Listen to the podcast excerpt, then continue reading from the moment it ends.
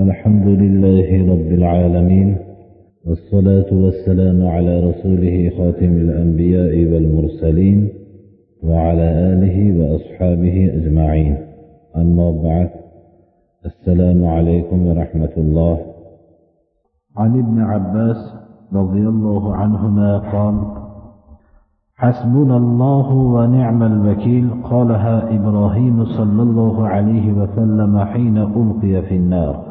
وقالها محمد صلى الله عليه وسلم حين قالوا إن الناس قد جمعوا لكم فاخشوهم فزادهم إيمانا وقالوا حسبنا الله ونعم الوكيل.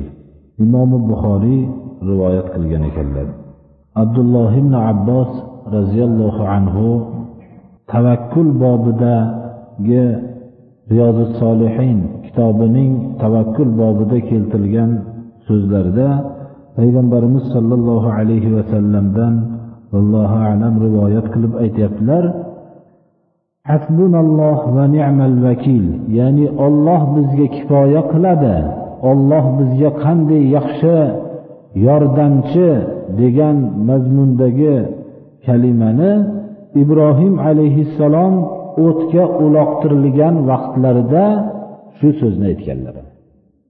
O'tga uloqtirilgan vaqtda hatto o'tga tashlangan vaqtlarda ham Allohga bo'lgan tavakkuldan ajramaganlar shu tavakkullarida sodiq bo'lganliklari uchun alloh subhanahu va taolo najot bergan.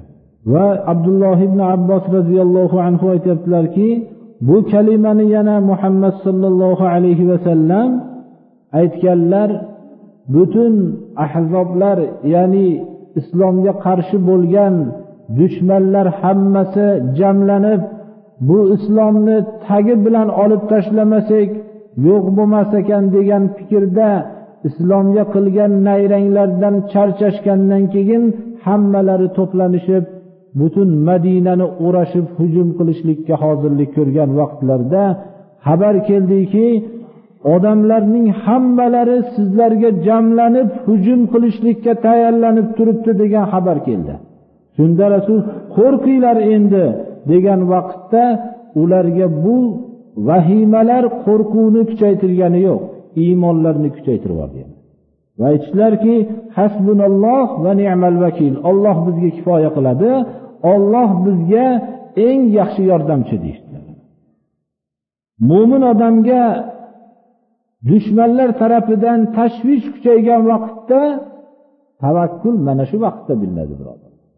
olloh bizga kifoya qiladi va olloh bizga eng yaxshi yordamchi deya olishligi kerak abu hurayra roziyallohu anhudan rivoyat qilinadiki payg'ambarimiz sollallohu alayhi vasallamdan bu kishi rivoyat qilib aytadilarki يدخل الجنة أقوام أفئدتهم مثل أفئدة الطير jannatga shunday kishilar kiradiki ularning qalblari xuddi qushning qalbiga o'xshagan imom muslim rivoyatlarida keltirilgan ya'ni qushni qalbiga o'xshagan degan mazmunni qanday tushunsak bo'ladi umar ibn hattob roziyallohu anhudan rivoyat qilingan hadis bizga bu hadisni izohlabroq beradi bu kishi aytadilarki sami'tu rasululloh sollallohu alayhi vasallam yaqul لو أنكم تتوكلون على الله حق توكله لرزقكم كما يرزق الطير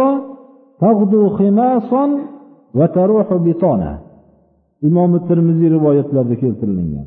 Payg'ambarimiz sollallohu alayhi vasallamdan eshitdim deydilar umar ibn hattob roziyallohu anhu. Agar ollohga haqiqiy tavakkul qila olsanglar olloh sizlarga xuddi qushga rizq bergandek rizq beradi. Ertaman qornini ikki chekkasi ichiga kirib ketgan darajada och chiqib ketadi qorni to'ygan holatda iniga qaytib kiradi. Ya'ni qalblari qushga o'xshagan degan ma'noni vallohu alam shu ma'nosi shunday bo'lishi kerakki qushdagi tavakkul bu. Qushdagi tavakkul unday bir narsa jamlamaydi. U doim inidan chiqib ketayotganda och chiqib ketadi qaytib uyga kirayotganda iniga to'q kiradi. Shunday qalblari tavakkuli qushlarni qalbiga o'xshagan tavakkuli bo'lgan qalblari shunday bo'lgan kishilar jannatga kiradi dedilar ya'ni bundan rasululloh sollallohu alayhi vasallam tavakkulga mana targ'ib qildilar o'zlari rasululloh sollallohu alayhi vasallam doim aytardilarki allohumma laka aslamtu va bika amantu va alayka tavakkaltu va ilayka anabtu va bika xosamtu اللهم أعوذ بعزتك لا إله إلا أنت أن تضلني أنت الحي الذي لا تموت والجن والإنس يموتون متفق عليه حديث شريف mana abdulloh ibn abbos roziyallohu anhudan rivoyat qiladiki payg'ambarimiz sollallohu alayhi vasallam shu duoni o'qirdilar bu duo ko'proq mana tavakkulni ifodalovchi o'zingga bo'ysundim senga iymon keltirdim ishlarimda senga tavakkul qildim senga inobat qildim sen yordaming bilan dushmanlar bilan husumatlashaman dedilar. Mana bu tavakkul bobidagi riyozi solihinda keltirilgan hadis shariflarning ba'zilaridir mana. Alloh subhanahu va taolo hammamizga ham shu tavakkul sifatini nasib qilsin shu tavakkul sifatidan umrimizni oxirigacha alloh niyo qilmasin.